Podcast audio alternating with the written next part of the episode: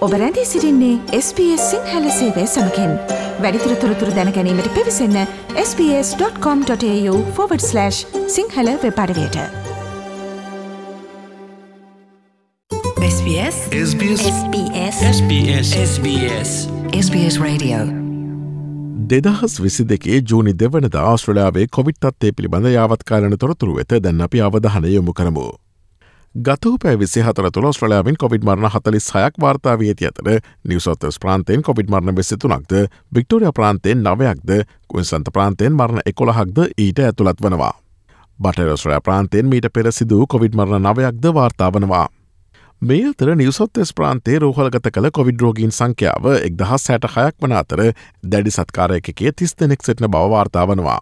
එය පසුගේ මාස දෙක තුළ නිවසොත්තෙස් ප්‍රාන්තයෙන් වාර්තා වූ අඩුම රෝහල්ගත කිරීම බවද සඳහන්. මේ අතර කුයින්සන්ත ප්‍රාන්තේ රෝහල්ගත කළ කොවිඩ්රෝගීන් සංඛ්‍යාව තුන්සිය දහසයක් වන අතර එය අප්‍රෙල් හතරවනදයින් පසුව වාර්තා වූ අඩුම සංඛ්‍යාව වනවා. බටේ ඔස්ට්‍රලයා ප්‍රාන්තය මේ මාසේ අවසන් වනතෙක් සියලුම ප්‍රාන්ත වැසියන්ට නොමිලේ ෆ්ලූ එන්නත ලබා දෙනවා.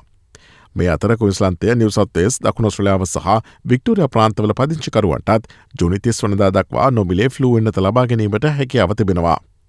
මේ අතර තම ප්‍රාන්තේ සිෆිලිස් රෝගේ පැතිරීම පිළිබඳ බටහිරස්්‍රලයා ප්‍රාන්තය අනතුරුවන්ගවා තිබෙනවා. දෙදහස් දහස්සේ සහ විස්ස අතර නවරෝගින් දෙගුණයකට වඩා වැඩිවී ඇති බව ඔවුන් පෙන්වා දෙනවා. සිද්නිහි නිවසල්තේ විශ්වවිද්‍යාලය පර්ේෂකෙන් විසින් හුද කලා කිරීම් ක්‍රියාවලිය සහ COොVID-19 ප්‍රවේදයන් මගින් ඇති කරන අවදානම් හඳුනා ගැනීම වේගවත් කරන ක්‍රමවේදයක් සොයාගෙන තිබෙනවා. ප්‍රතිකාරවල සපලතාවය මැනීමටද මෙම ක්‍රමවේදය භාවිත කිරීමට පුළුවන්. මේ අතර COොVID-19 එන්නත් දකුණ ශ්‍රලාපුර ප්‍රාථමික පාසල් දහයක මෙම සෙනසුරාදා පෙරවරු දහය සිට සවස හතරයි තිහ දක්වා ලබාදීමට නියමිතයි. ඔස්ට්‍රලයාාවේ COොVID-19 හා සම්බන්ධ නවතම තොරතුර දැනගැනීම සඳහා ps.com.tu4/ සිංහල වෙබ්බඩ වී වෙත ගොස් ඉහලි නැති කොරුණා වෛරසය හා සම්බන්ධ තොරතුර යන කොට සමත කලික් කරන්න.